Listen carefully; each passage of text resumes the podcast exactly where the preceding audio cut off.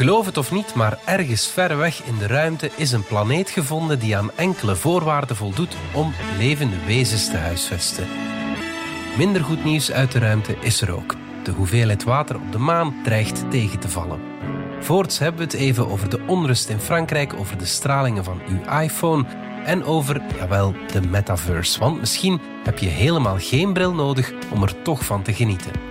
Het is vrijdag 22 september. Van de Standaard is dit Bits en Atomen met Pieter van Doren, Dominique Dekmijn en uw gastheer Bart Obbelaren.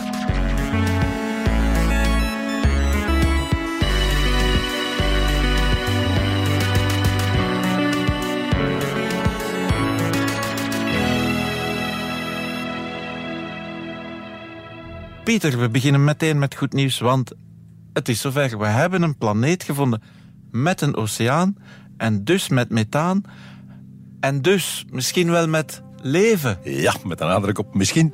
Maar ondertussen zijn we toch weer vrolijk bezig. We hopen er al zo lang op, dus. Het gaat deze keer over K218b. Dat is een planeet rond de ster K218. Op 120 lichtjaar van hier, dus relatief in onze geburen. Ja. In het sterrenbeeld Leo. Ze zit rond een eh, rode dwerg. Dat zijn de meeste sterren waar eh, we planeten rondvinden tegenwoordig. En ze zit daar in de leefbare zone. De zone waarin water vloeibaar kan zijn. En vloeibaar water is, zoals we weten, heel nuttig en nodig voor leven. De berekeningen zeggen nu, het moet daar ergens tussen de min 30 en de plus 20 zijn. Ideaal temperatuur. Ideale temperatuur. En er zit bovendien methaan in de atmosfeer. En op aarde is methaan een gas dat vooral gemaakt wordt door levende wezens. Niet alleen, het kan ook op een andere manier gemaakt worden. Maar goed, het, eh, het is best leuk dat het door levende wezens gemaakt zou kunnen zijn. Bovendien, methaan verdwijnt snel. Dus als je methaan in een atmosfeer vindt, is er ergens een bron die het continu blijft aanmaken. Ja. Maar nogmaals, het kan ook andere oorzaken Maar we hebben. blijven nog even denken dat het... we hebben de planeet nu opnieuw bekeken met de James Webb-telescoop, de allernieuwste. Die is een stuk eh, scherper en die kan nu ook eh, de atmosfeer van die planeet veel beter ontleden. En nu blijkt er waarschijnlijk dimethylsulfide in te zitten. Dimethylsulfide. En nu ben je me kwijt. is op aarde een eh, gas dat gemaakt wordt door eh, plankton, door plantaardig plankton. Dat de lucht ingaat, dat daar helpt wolken creëren. Het bijzonderste is dat dimethylsulfide alleen gemaakt wordt door die levende wezens. Er is geen enkele andere bron op aarde die dimethylsulfide maakt. Het is dat- niet gezegd dat het op andere planeten ook zo is, maar goed, het, het- we zitten er toch eh, lekker dichtbij. Alleen de gegevens zijn nog vaag. Het zit eigenlijk bijna nog in de ruis, dus we moeten nog een eh, jaartje langer eh, meetgegevens verzamelen. Zeggen de jongens, geef ons vooral geld. James Webb heeft nog geen foto's gemaakt van die levende wezens. Nee, nee, alles wat wij hebben is uiteindelijk licht van de ster dat doorheen de atmosfeer van die planeet straalt. Op het moment dat die voor de ster langs gaat, wij kunnen dat licht apart isoleren van het veel sterkere sterrenlicht. En dan gaan we dat licht scheiden in kleurtjes. En dan zie je allemaal eh, streepjes opduiken. Bij die kleurtjes is er licht. Bij die specifieke golflengte zie je niks. Bij die specifieke golflengte is er weer licht. Je ziet een soort streepjescode. En die streepjescode kun je weer omrekenen naar eh, scheikundige stoffen. Als er natrium in de atmosfeer zit, dan zie je bij geel een heel mooi lijntje. Dat is de kleur van de natriumlampen die we ook op de snelweg zien. Ja. Alleen, elk atoom heeft een hele reeks van die streepjes. En als je veel atomen door elkaar mengt, heb je dus een gruwelijke soep van streepjescodes. En dan moet je daar gaan uitleiden. Als ik deze lijntjes allemaal zie, dat zal wel methylsulfide zijn, maar ik ben niet helemaal zeker. Want dit lijntje, dat zie je ook in methylchloride. En dat lijntje zou ook van waterstof kunnen komen. En dan moeten we dat optellen en aftrekken. En uh, Je hele een En- Jij bent sceptisch, hè? Je gelooft het niet echt. Eh, ik geloof niet echt in leven in het heelal. Nee, ik denk dat wij ergens een schitterend ongeluk zijn, dat wij de enige zijn. Maar goed, ik denk dat eh, er is maar één voorbeeld, dat zijn wij zelf. En dat is een beetje weinig om statistiek op te doen. Je kunt niet echt beweren, er moet leven zijn. Je kunt niet echt beweren, er kan geen leven zijn. We moeten blijven snuffelen en dat, ja, dat die methylsulfide maken toch wel leuk. En dat is wat de NASA nu gaat doen. Blijven snuffelen. Blijven snuffelen. En wat kan je dan doen, eigenlijk? Ah, alles wat je kunt doen is die James Webb-telescoop blijven richten op die ster. En tegen al die andere astronomen zeggen: jongens, ga maar achteraan in de rij, ik ga nu even voor. en dat is dus gegarandeerd geruzie, want er wordt gevochten voor elke seconde waarnemingstijd met dat ding. Ja, en als we dan inderdaad leven zouden vinden, dan, ja, dan, is, het, eh, dan is het kotte klein. Hè. Dan eh, verandert alles. Het helpt wel als je kan zeggen, ja, maar daar moeten we nog eens beter kijken, want... Ja, absoluut. Alle astronomen hopen op leven in het heelal en willen absoluut dat leven vinden. Als we naar Mars blijven kijken en in Mars in de bodem blijven graven, dat is omdat we hopen dat daar leven is. En dat is ja, uiteraard bij die uh, verre planeten ook zo. We blijven hopen. Misschien is er leven en als er leven is, Dominique, dan hebben ze misschien ook een iPhone. Dat is een onhandig bruggetje, Dan ben je niet overtuigd? Gewoon doorgaan. Gewoon doorgaan. Dank je, dank je wel, Dominique.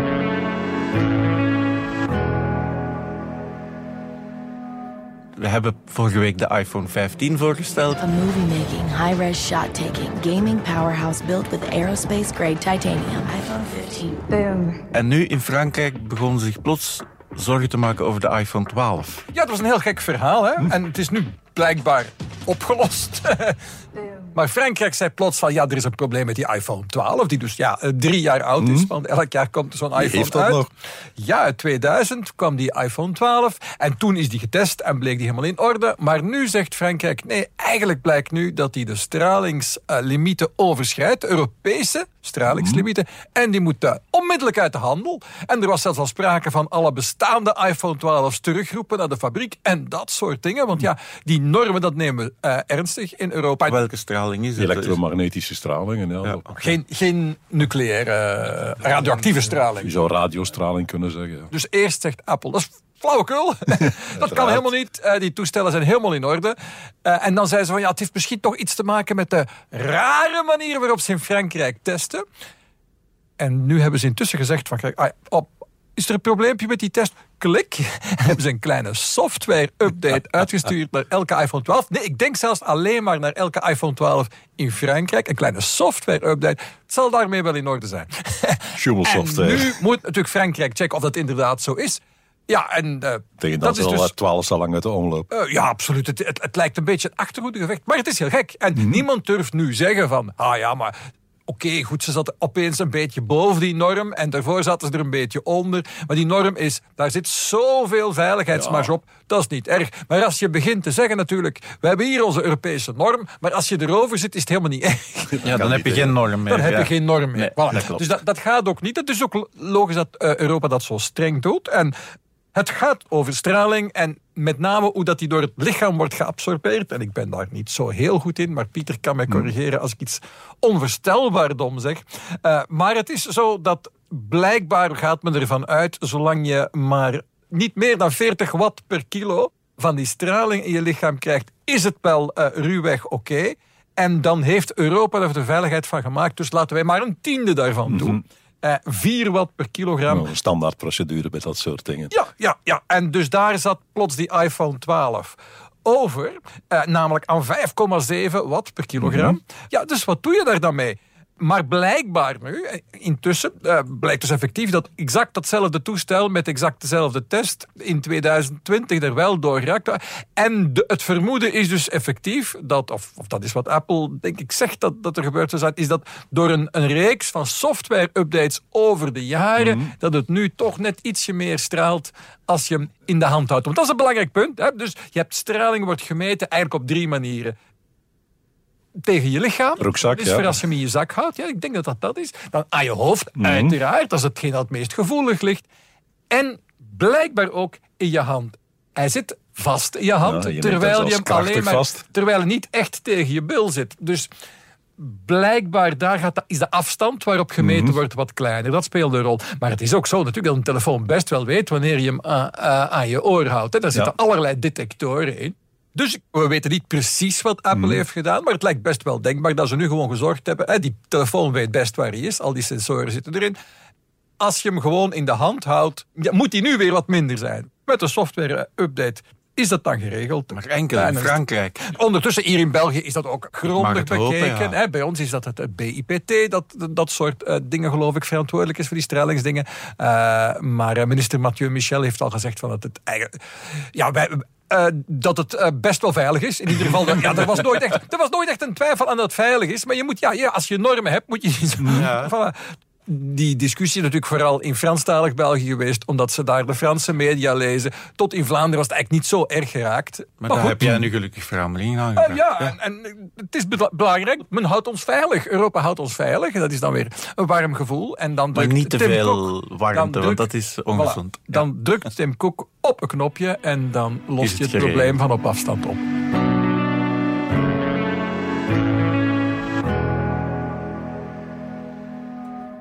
Pieter, dan kom ik weer bij jou en zonder bruggetje, Dominique. Ja, dat is veilig. We gaan het gewoon hebben over onze armen en waarom die zijn zoals ze zijn.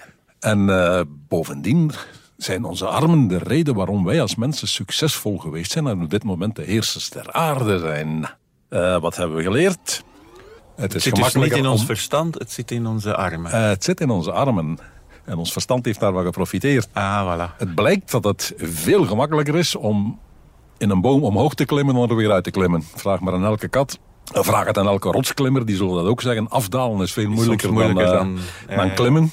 En eigenlijk hebben we ons daar verder nooit vragen bij gesteld. Maar nu zijn er mensen van eh, Dartmouth College in Engeland. Die hebben dat eens beter bekeken en die hebben eens gekeken wat gebeurt er eigenlijk als wij paal klimmen. Als we omhoog klimmen in een Mhm, paal, dan, ja, dan leggen wij armen en benen rond die paal en trekken we onszelf omhoog, duwen ons met onze voeten af. Ja, je moet vooral op met je, je benen duwen. Je werkt hè? vooral Ja. met je benen, maar Ja, je hebt ook je armen nodig. En Allicht. je handen zitten ongeveer op schouderhoogte als je dat doet. Je gaat nooit heel hoog boven je hoofd grijpen en zo proberen om in die paal te kruipen. Je houdt je armen redelijk in de buurt van je schouders. Dat doen alle dieren, dat doen alle primaten, dat doen alle apen. Maar als we terug naar beneden komen, dan grijpen we met onze armen veel hoger in die paal, ver boven ons hoofd en laten we ons bijna naar beneden glijden, zoals een brandweerman van een paal gaat. Ja, ja, ja. Dat is met de armen boven het hoofd. Wij en de mensapen zijn de enige diersoort die dat kunnen. Wij hebben hele soepele schouders, waardoor wij in staat zijn om onze voorpoten zeg maar, heel hoog boven ons te brengen. Wij kunnen een hele cirkel maken met onze armen. Ja, ja, ja. Probeer dat maar eens met, met je benen, dat gaat niet. Je heupen zijn niet in staat om met je benen een hele cirkel te maken. Nee, nee. Lukt niet, met de schouders lukt dat wel. Misschien Cristiano Ronaldo kan dat, denk ik. Ja, er zijn misschien een paar turners. eh. maar ons schoudergewricht is een stuk ondieper dan ons heupgewricht. En mensapen, en wij horen bij de mensapen, zijn de enigen die dat hebben. Een normale kleine aap, als die in een boom gaat, die kan helemaal die schouders niet zo ver strekken en die armen zo ver boven zijn hoofd eh, brengen. Want dat schoudergewricht laat dat niet toe, bij ons wel. Ook ons ellebooggewricht. Wij kunnen onze arm helemaal compleet uitstrekken. De meeste dieren kunnen dat niet. Bijna compleet, maar niet dat wij kunnen, wij kunnen eigenlijk Wij kunnen wel, overstrekken. ja. Ja, ja, ja. We hebben ook heel soepele polsen. En dat allemaal maakt dat wij in staat zijn om vlot en veilig uit een boom te klimmen. Wat voor eh, chimpansees en aanverwanten ook eh, zeer nodig en zeer nuttig was. in en uit een boom, hè, Pieter? We kunnen meer, want door die schouder zijn wij in staat om bovenarms te werpen. Als we petank spelen, dan doen we dat onderhands. Ja.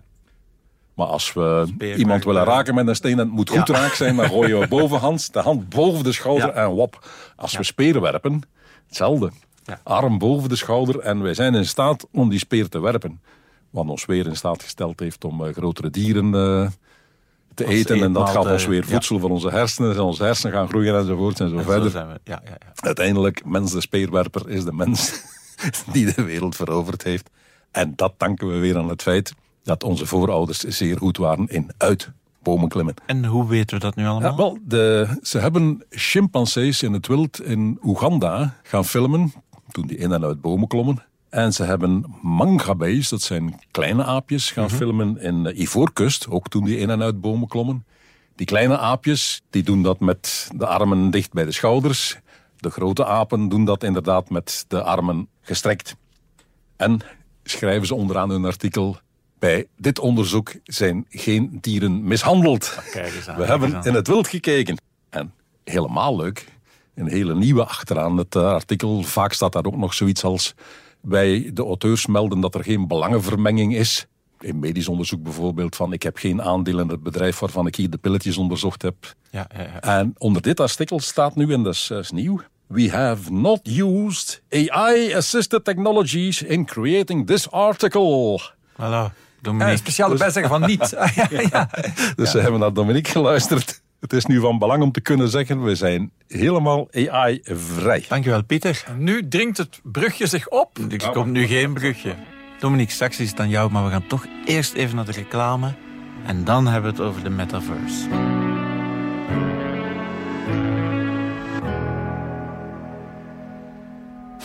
Artificiële intelligentie maakt je werk niet alleen efficiënter, maar ook meer werkbaar en veiliger als je het verstandig inzet. Hoog tijd om erover bij te leren dus. Kriebelt het om met AI aan de slag te gaan? VAIA, de Vlaamse AI-academie, verzamelt meer dan 400 cursussen voor beginners en gevorderden op vaia.be. VAIA is een samenwerking van alle Vlaamse universiteiten en hogescholen en is deel van het Vlaams beleidsplan AI.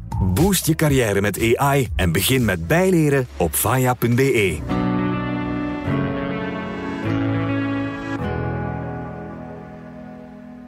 Dominique, zoals beloofd komen we terug bij jou over de metaverse. En er is goed nieuws, want het, je hoeft geen VR-bril meer te hebben om daar te kunnen rondneuzen. Heb ik dat juist? Het is al dubbel goed nieuws. Dubbel Geen. VR-bril meer nodig. En je hebt wel benen nu in de, in de metaverse. Kijk Alle eens twee. aan. Dus twee keer heel goed nieuws. Dus hoe zou het nog zijn met de metaverse? Dat is eigenlijk Daar- de daar zaten we op te we wachten. praten er niet meer zoveel over. En vorig jaar was er niks anders. En nu hebben we het alleen over generatieve AI. Zo gaat dat soms een beetje in de techsector. Maar hoe zit het nu met de metaverse? Wel, men blijft eraan bouwen. ja. En Meta met name, het bedrijf dat vroeger Facebook heette... en dat zo'n 10 miljard per jaar pompt in dat metaverse-idee. En dat is fenomenaal veel geld. Daar wordt meer en meer mee gelachen. Dat men zegt van, het is allemaal weggegooid geld. Maar ze, ze blijven bezig. Waar zijn ze nu mee bezig? Twee heel belangrijke dingen. Dat je er nu zonder bril ook in kan. Die metaverse van Meta en hun prototype daarvan is die Horizon Worlds, wat dus eigenlijk een sociaal netwerk is. Een speelruimte eigenlijk, waar je allemaal in avatarvorm, als een 3D-avatar, rondloopt. Eh, rondzweeft eigenlijk, moeten we zeggen, want het gaat dan weer over die benen. Je hebt geen benen daar. Maar bon, het is een 3D-wereld waarin je rondzweeft. Maar het idee was altijd van, als je vrienden er dan ook bij willen, maar die hebben nog geen Quest-bril gekocht, ja, dan kunnen ze gewoon op hun smartphone meekijken. En dan is het alsof ze via een piepklein venstertje in de kant van de metaverse van op afstand meekijken naar al de pret die andere mensen daar in de echte metaverse hebben met een VR-bril. Het is niet helemaal zo gelopen. Want er, is, er zijn gewoon niet genoeg mensen die met Die die een Quest in, die wereld zitten. Dus ze verkopen En- nu sleutelgaten in plaats van bril. wel, er is een stiekeme verschuiving gebeurd. Zo, hè? Dus het is nu niet meer zo van... als je echt wil, kan je meekijken bij je smartphone. Het wordt nu meer van... Nee, die metaverse is gewoon voor iedereen. of je nu een VR-bril hebt of niet. En de bedoeling is nu echt om te zorgen dat, we, dat ze daar iets hebben... dat best wel leuk is op je computerscherm of op je smartphone. Dat betekent, dat is een ander concept van hoe, hoe dat je erover nadenkt. Laten we iets gewoon maken dat 3D is. Je kan rondlopen in 3D, elkaar zien en leuke dingen doen. Maar dat hoeft niet noodzakelijk zo'n logge, zweterige VR-bril waarvan de batterijen meteen leeg zijn aan te pas te komen. En dat is heel slim. En het andere dat ondertussen veranderd was, is dat eh, in het begin was er in die Horizon Worlds helemaal niks te doen. Dat, dat kan één van de redenen zijn dat er ook Dat het niemand niet lukte, ja. Ja. En nu beginnen ze daar meer en meer eh, activiteiten te verzinnen. En dat zijn eigenlijk, wat zijn dat? Games. Dat zijn Ja, spelletjes. En er is nu een spelletje dat ze proberen te lanceren. En dat heet Super Rumble. En je loopt rond met geweren en je schiet op elkaar. Het doet een beetje, als je het zo beschrijft, Gezellig. denken aan pakweg Fortnite. hè? ja. Want daar was het hele idee voor die metaverse uiteindelijk ontstaan. Hè? Vier, vijf jaar geleden bleek opeens dat alle kinderen in zo'n 3D-wereld rondlopen en op elkaar schieten in Fortnite. Goh, misschien was dat wel de toekomst, maar 3D, goh, op een beeldscherm, dat is maar het halve werk. Laat ons eh, dat dan met zo'n bril doen. Men dacht dat men het helemaal gevonden had. En nu is men eigenlijk een beetje terug bij af. En nu wordt eigenlijk dus Horizon Worlds zelf een soort Fortnite. En ja, we gaan zien hoe, of dat dan werkt. In België kunnen nog altijd niet in Horizon eh, Worlds, dus het speelstuk, kunnen we eigenlijk nog niet op. Wel het werkstuk dat dan Horizon eh, Workrooms heet. Eh, wat ik trouwens een hele fijne omgeving vind hoor. Ja, om in mijn quest eh, in te zetten, maar dat speelde kunnen we nog niet in. Maar daar gaan we, gaan we dus zo die games zoals die Super Rumble kunnen spelen. Maar die zou je voortaan ook in een app op Android kunnen spelen. Maar dat is nog, ook nog niet voor iedereen. Hè. Dus nog een beperkt aantal mensen die dat nu kunnen uitproberen. Maar de verwachting is dat het dan binnenkort voor veel meer mensen is. Dus super tof. Maar nu moet je mij toch nog iets vertellen over die benen. Ja, dat is zo'n eh, toen, toen, toen ze uitkwamen met die, met die Horizon Worlds, uh, moest iedereen een beetje lachen, omdat je avatar, je hebt, je hebt daar een bovenlichaam, een, een cartoonversie van je gezicht, en je ziet ook een cartoonversie van het gezicht van je vrienden, en je ziet hun armen bewegen, en die maken de echte bewegingen die je in het echt maakt. Ja. Uh, maar aan het onderlijf stopt het uh, meteen. Omdat en ze daar nog niet uh, over nagedacht hadden? Er waren een heleboel redenen voor. Ik heb ook altijd gedacht, dus in die, in die eerdere 3D-wereld Second Life, mm. 20 jaar geleden, die ook gewoon op een vlak scherm zich afspeelde, dat leek toch heel erg op die Horizon Worlds van u. Maar daar deden ze met die onderbenen van alles waar, denk ik, eh, Meta het bedrijf niet mee geassocieerd worden. dus dat heeft waarschijnlijk ook wel een klein beetje een rol gespeeld. Maar dan vorig jaar, dat is een vol jaar geleden al, zegt Zuckerberg, we hebben het opgelost, je krijgt voortaan benen in onze metaverse. En dat heeft dan nu nog een vol jaar geduurd. En nu schijnen die benen er ook inderdaad te komen. Nee, het is, het is best wel moeilijk. Want hmm. uh, in die VR-bril zitten een aantal camera's. Hè? En die camera's zien, letterlijk zien, je handen. Ja. Als je naar boven kijkt en je houdt je armen achter de rug, weet die bril niks. Maar van het moment dat hij je handen ziet, mhm. dat wordt ook mhm. echt wel gebruikt. Als je met je duim en je wijsvinger samenkomt, geef je een commando door. Je handen kan hij zien, dan kan hij ongeveer raden waar je arm uh, zit. Mhm. Maar je voeten, ja, die zie je even als je naar beneden kijkt. Maar, normaal, zie normaal gezien. En er is op die bril geen logische plek waar een camera zou kunnen zitten die echt je benen ziet. Je moet altijd een beetje raden. Natuurlijk, hoe meer camera's, hoe beter. En daarom mhm. Apple, deze zomer, zijn Vision Pro bril. En dat is een veel, veel, veel, veel, veel, veel duurdere versie van die Quest. Die heeft veel meer camera's. En veel betere camera's. En die weet wel ongeveer waar, je, benen, zitten. Maar, maar, dus die Quest-bril van uh, Meta en waarschijnlijk ook de nieuwe versie van de Quest 3-bril, waar ik eigenlijk best wel nieuwsgierig naar ben, die uh, zal waarschijnlijk ook niet echt je benen mhm. kunnen zien. Dus wat komt er dan aan te pas? Artificiële intelligentie natuurlijk, die ongeveer raadt van kijk, als we ongeveer weten hoe hij zijn hoofd draait en waar hij daarnet stond, kunnen we wel grosso modo raden waar die benen ongeveer staan. En we zetten die daar dan. Wat alweer bewijst dat natuurlijk die hele AI-golf die we dit jaar mhm. zien, uiteindelijk wel kan helpen om die metaverse-golf die we nu een beetje uit het oog zijn verloren, van om die metaverse toch te, te realiseren vroeg of laat. Zeker dan bij. Dat hadden we al een beetje door, Dominique. dat het vroeg of laat zou zijn. Dan gaan we afronden en mag Pieter zijn beste beentje voorzetten, nietwaar? Yep. Ja, dat was een bruggetje. De ster van de week. De ster van de week. Good stage one ignition. To explore. No man has gone before. En de ster van de week bevindt zich op de maan deze keer. Dus vlakbij? Ja. We gaan even terug naar 1972. December 1972 AD. Uh, toen de laatste mens uh, van de maan afstapte. Let me throw the hammer. Okay, let me throw the hammer. Please. It's all yours. You ready? Go ahead. Look at that. Look at that. Beautiful. Looked like it was going a million miles. Dat was Gene Cernan. This is Gene and I'm on the surface. En die zei toen, ik uh, zet nu de laatste stap op de maan. We komen uh, nooit meer terug. We gaan weg voor, ja, for some time to come, zei hij. Maar hij zei er ook bij, maar we geloven dat het niet lang zal duren of we zijn niet terug. And as we leave the moon and towards Little, we leave as we came, and God willing as we shall return. With peace and hope all mankind. Godspeed the crew of Apollo 17. Nu, 45 jaar later is hij gestorven en hij was nog steeds de laatste die ooit op de maan gezeten had. Maar dat is ondertussen plots veranderd. Nu wil iedereen naar de maan. Uh, Elon Musk wil naar de maan, de Amerikanen willen naar de maan, de Israëliërs willen naar de maan, de Indiërs willen naar de maan. Een tussenstation voor een langere reis, dacht ik. En ze hopen dat dat een tussenstation wordt voor inderdaad het uiteindelijke doel om uh, Mars. Te bereiken. Nu, de maan is geologisch totaal inactief, maar die wordt serieus belaagd door de zonnestraling. Er zijn geen wolken, er is geen atmosfeer, dus de zon knalt recht op die maan af.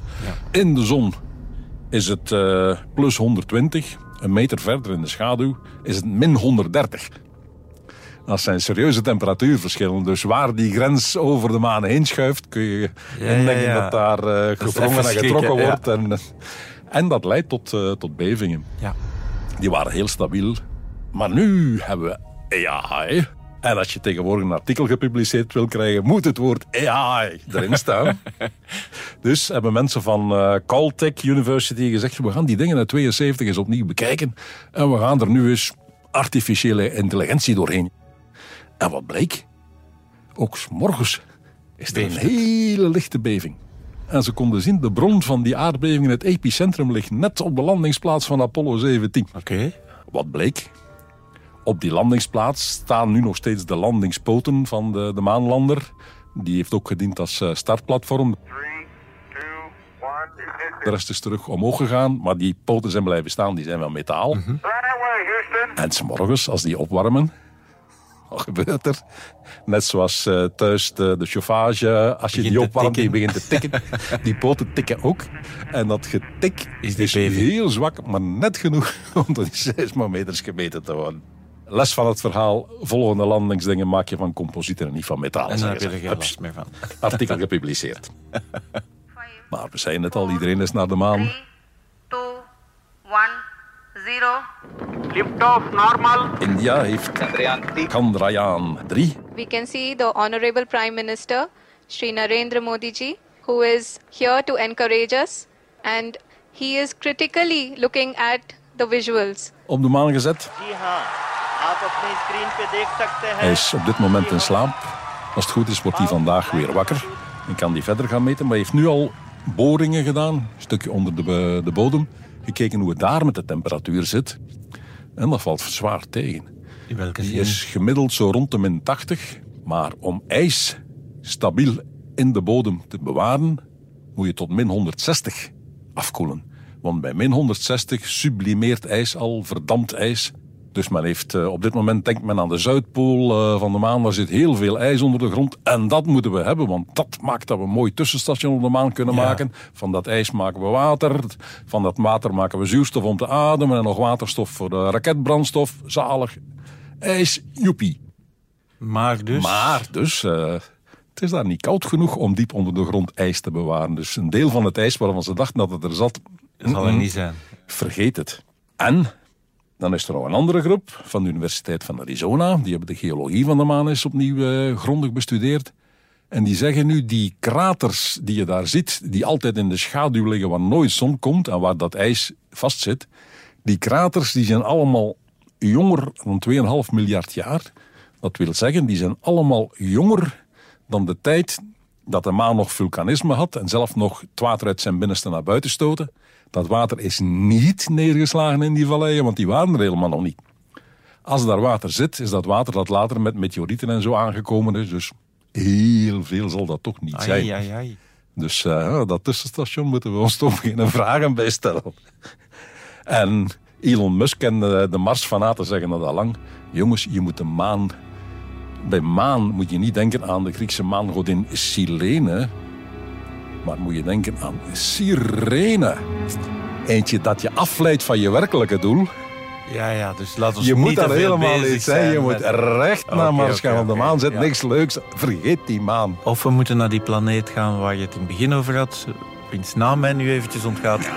18b. Maar daar, Daar, daar gaan we leuk. mensen vinden. Goed. We'd like to uncover a plaque so some of you out there who are the promise of the future come back to read it again and to further the exploration and the meaning of Apollo. We salute you, promise of the future. Roger, Dean, we in Houston uh, copy that. Pieter van Door, Dominique Dekman, het was mij alweer een genoegen. Dank jullie wel. Yes, we've got it. Dit was Bits en Atomen, onze wekelijkse podcast over wetenschap en technologie. Bedankt voor het luisteren. Alle credits van de podcast die je net hoorde vind je op standaard.be-podcast. Reageren kan via podcast.standaard.be. Volgende week zijn we opnieuw.